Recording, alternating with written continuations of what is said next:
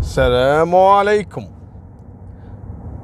أول شيء أتمنى الصغار في العمر مع إني أنا حاط تقييد محتوى يعني اللي عمره أقل من 18 ما يقدر يشوف الفيديو لكن في بعضهم ما هم فعل البيانات لذلك يقدر يدخل ويسمع القصص. لكن أتمنى اللي صغار في العمر يعني من البنات والشباب اللي أقل من 18 ما له داعي يسمع هالقصة هذه. هذه قصة حق الشباب يعني من 18 وفوق. لأن في بعض المواضيع الكثير يستحي يطرحها. والمصيبة إن هالقضايا هذه ما تحدث إلا من هالمواضيع اللي إحنا ماخذنا الحياة لكن وقت ما تصير الجريمة نقعد نتكلم والصحف تتكلم والعوائل تتدخل ويصير مذابح. لأن ما في وعي أو ما في ثقافة يعني الزواج. أنا يعني شهدت بعيني أحد الشباب والكلام هذا قبل يعني أكثر من خمس سنوات. كنت أسأله دائما أقول له ليش ما تتزوج؟ خلاص يعني اعقل. وتزوج واستقر. أنا شنو أقصد؟ لما أقول له أعقل. يعني أنا لأني أمون عليه أقول هالكلام. لأني أنا أدري فيه هو رايح بطريق الشمال. فودي إنه خلاص يترك هالخرابيط ويستقر و يعني ويتوب. ويفك بنات خلق الله من شره. توقعون شنو كان رده لي؟ يقول لي والله يا أبو طلال أنا ودي أتزوج لكن خايف. أقول له خايف من شنو؟ يقول خايف إني أطيح يعني على بنت واقرر إني أتزوجها وبالنهاية تطلع البنت ما هي سوية أو بالعربي ما هي محترمة ومحشومين البنات عن هالكلمة هذه. هذا في تفكير هالولد هذا. أنا بقول لكم ليش وليش ذكرت لكم طريقة تفكيره. تبونها بالصريح بصريح العبارة. الولد هذا من كثر ما شاف الخرابيط في حياته خلاص قام يخاف إن اللي يتزوجها باكر تطلع مثل البنات اللي هو كان يطاردهم. وفي شغلة لازم تعرفونها. كثير من الشباب يسيء إلى بعض الدول يقول هذه دولة معروف عنها في أمور الفري والدعارة والشخلعة والهالكلام الفاضي. تدرون ليش؟ لأن هالشباب أصلا لما يروحون هالدول يروحون فقط للأماكن اللي تجذب السياح. المناطق اللي فيها سياحة فقط. لكن لو إنك تساله عن باقي المناطق فيها الدول هذه ما يعرفها. فيعتقد إن الدولة كلها هذا نظامها وهذا كلام غير صحيح. ترى اللي قاعد تشوفونه الخرابيط اللي موجودة في كثير من الدول العربية ترى هذا فقط في المكان يعني اللي مخصصينه حق السياح. إحنا ودنا إنه ينتهي لكن حط في بالك إن اللي تشوفه هذا ما يمثل حتى واحد بالأمية من الانحراف اللي موجود في بعض الدول. لكن في حقيقة الأمر أن في 99% من العائلات الشريفة والعفيفة والمحافظة واللي تخاف الله وملتزمة أكثر منك أنت. اللي أنت مصدق نفسك على بالك أن أنت والله الوحيد اللي تعرف أن في جنة ونار. لا لا حبيبي. والله العظيم في كثير من الدول اني اصدمك لو أقول لك يبا اترك هالموضوع. مشايخ الدين لو تسأل انت في بعض الدول اللي انت تعتقد انها دولة منحرفة ترى فيها علماء ومشايخ دين إلى يومك هذا إحنا نتعلم منهم. لأن أنت نظرتك مركزة على المكان اللي كنت تروح له للسياحة. أكيد تلقى فيه بلاوي. حتى إحنا عندنا في دولنا هذه. إحنا دول محافظة صح؟ لكن الناس اللي كانت تزور مثلا تزور الكويت مثلا. تزور الكويت وين؟ يجون عندنا في مناطق الشعبية مثلا؟ لا ما يعرفون.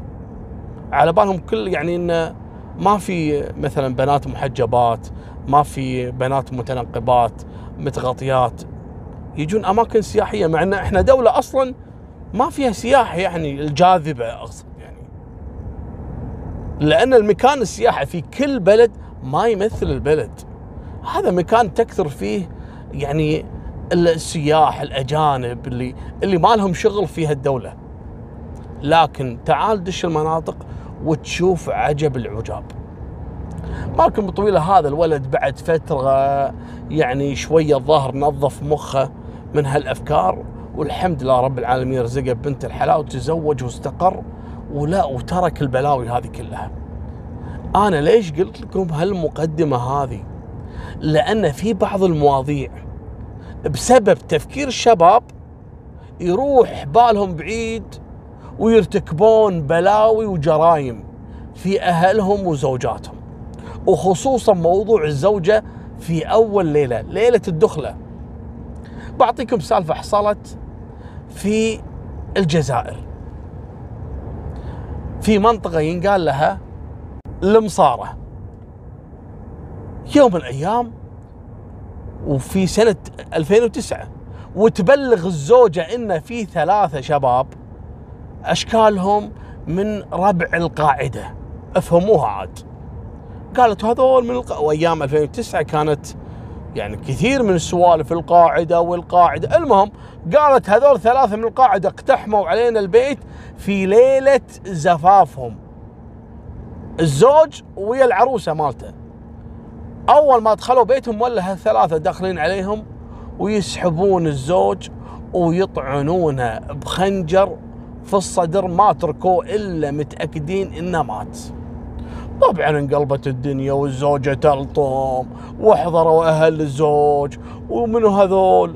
وشنو علاقته فيهم الزوج؟ وليش بيقتلونه بليلة عرسه؟ يعني قمة البشاعة يعني. حرام. ولد عمره 35 سنة أول مرة يتزوج ومستعد لهاليوم هذا. تقتلونه في ليلة زواجه وقبل الدخلة؟ حضروا رجال الأمن وقعدوا يبحثون. منو هذول اللي قتلوا الرجال؟ وشنو علاقتهم في الموضوع.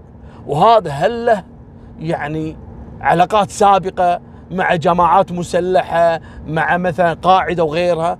شافوا ان الولد؟ لا. صحيح إنه كان شخص ملتزم لكن مو معناته إنه مع القاعدة لا.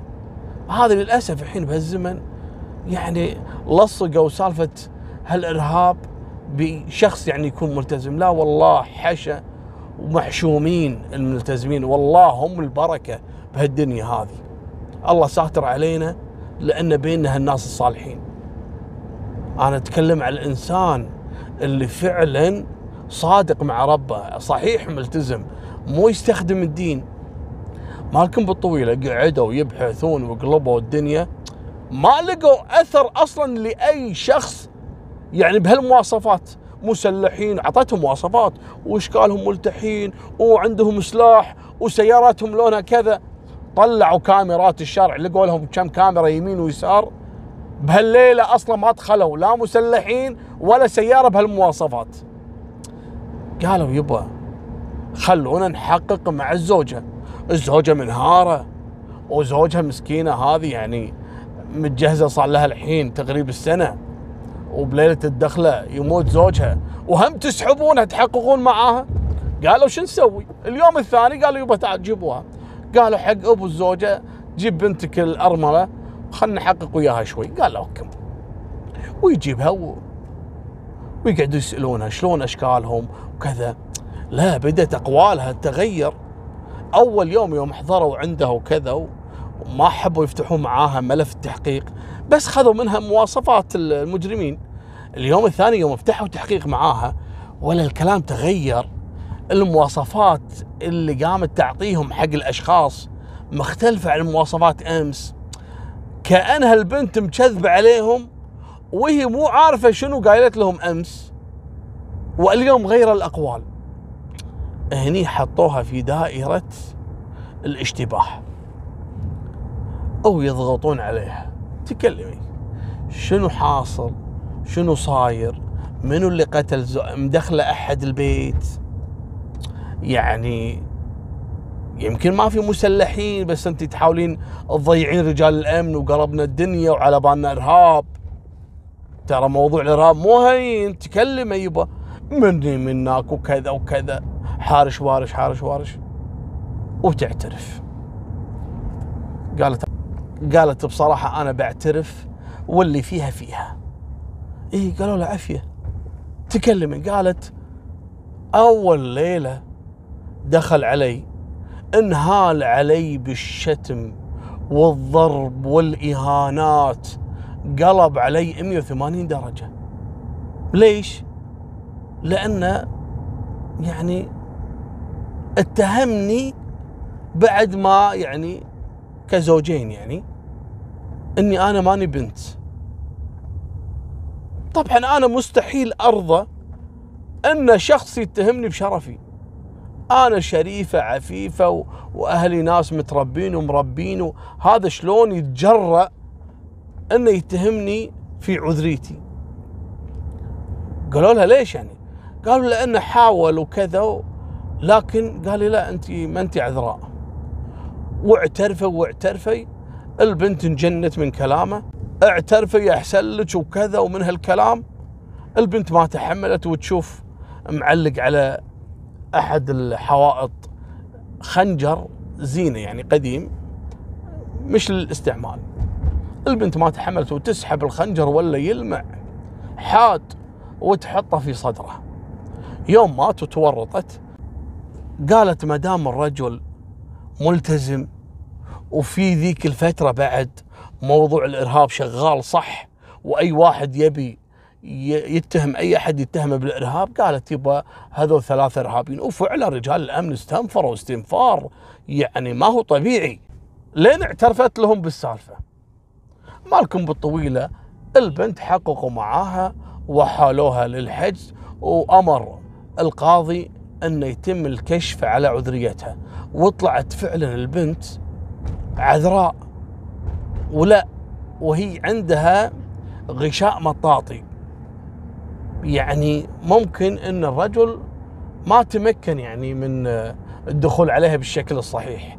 وترى هذا موضوع الغشاء المطاطي يعني ترى منتشر كثير.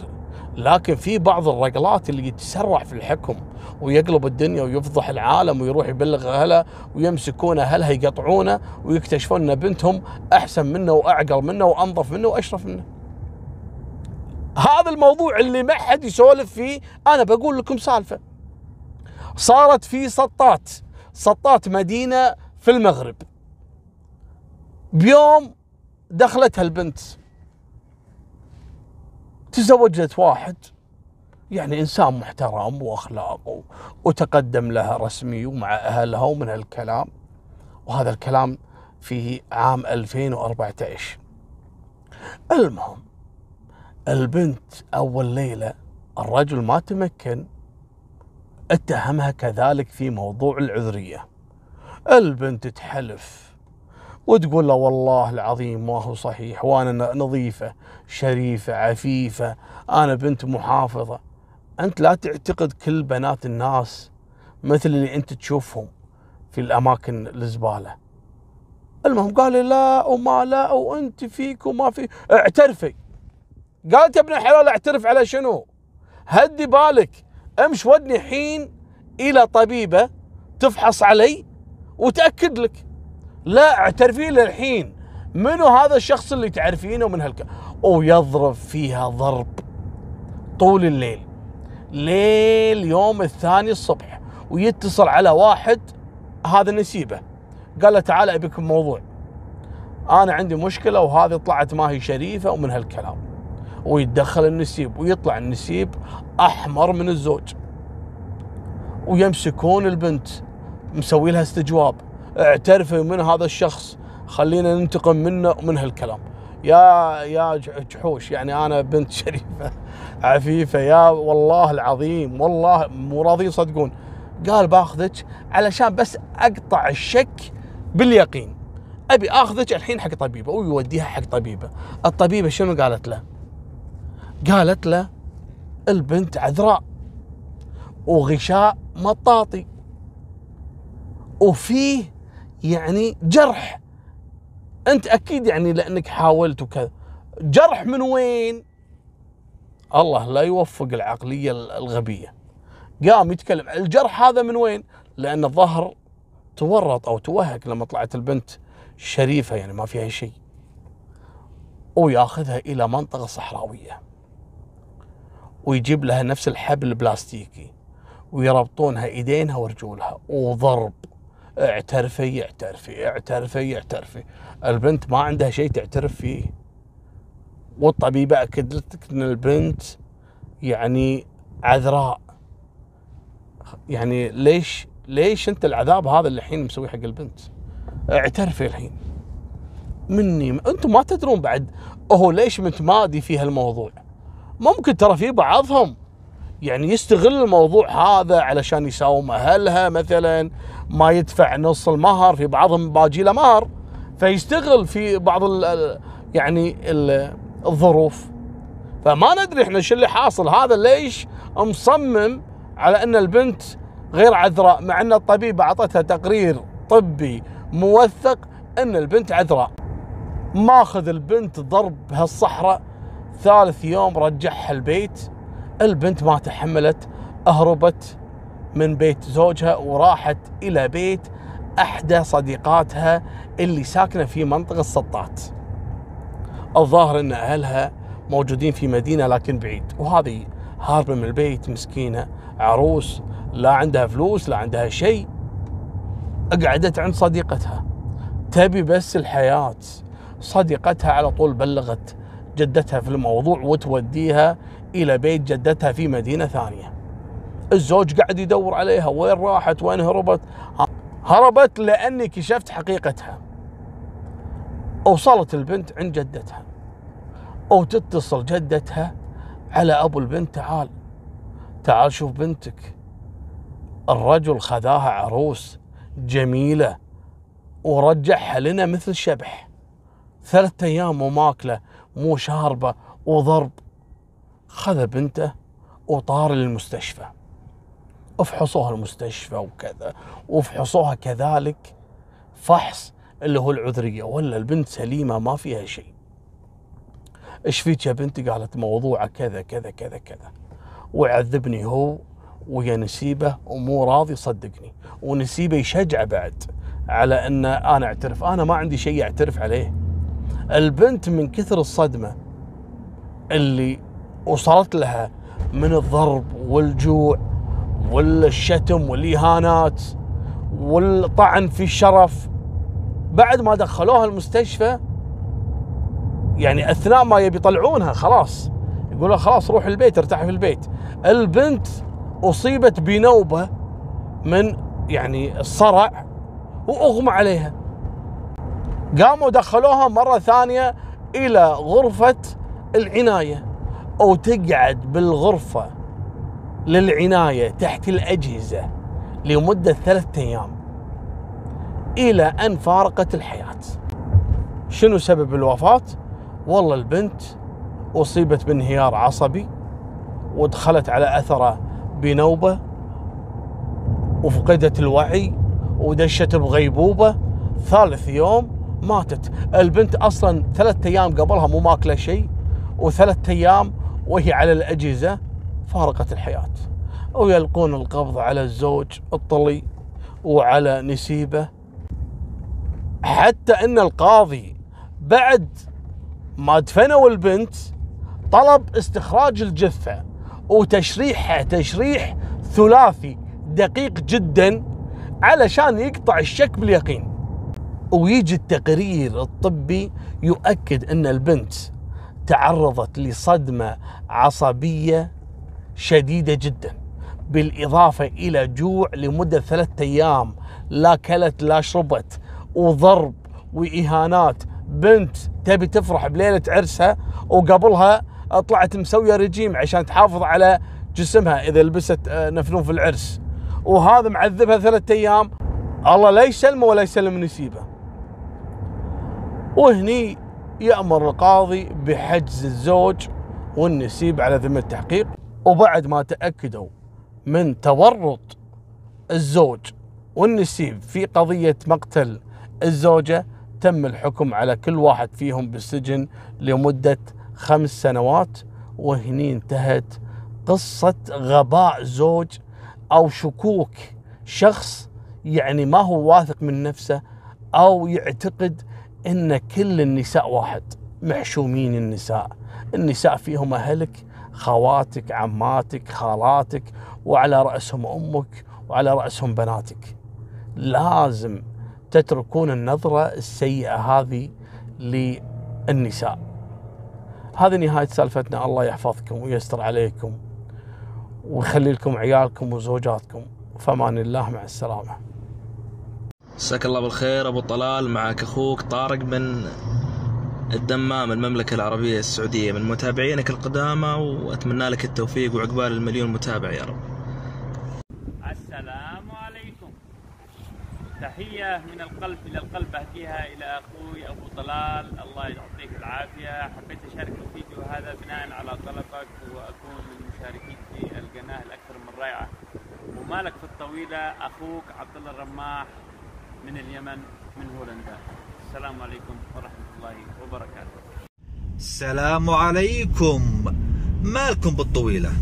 أسعد الله أوقاتك بكل خير وسعادة أبو طلال. بمسي عليك من الأردن وبالتحديد من العاصمة الحبيبة عمان. استمر استمر أبو طلال.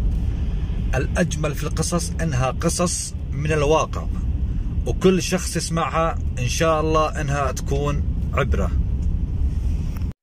السلام عليكم. وعليكم السلام. تحية الخاصة للأخ آه، أبو طلال الحمراني. آه، أخوك سي محمد من المغرب.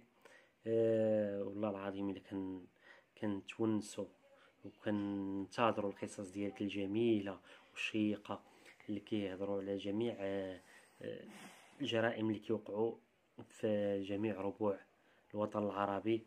وكنتمنى الله سبحانه وتعالى يرفع علينا هذا الوباء. وشكرا شكرا جزيلا. وتحية خاصة لطلال ابن أبو طلال الحمراني.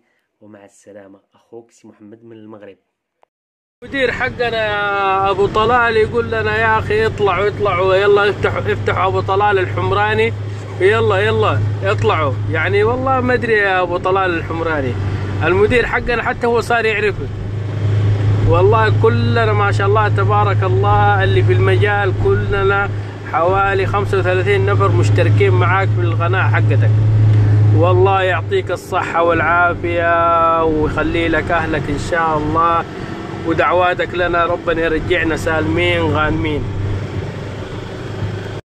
مساء الخير السلام عليكم.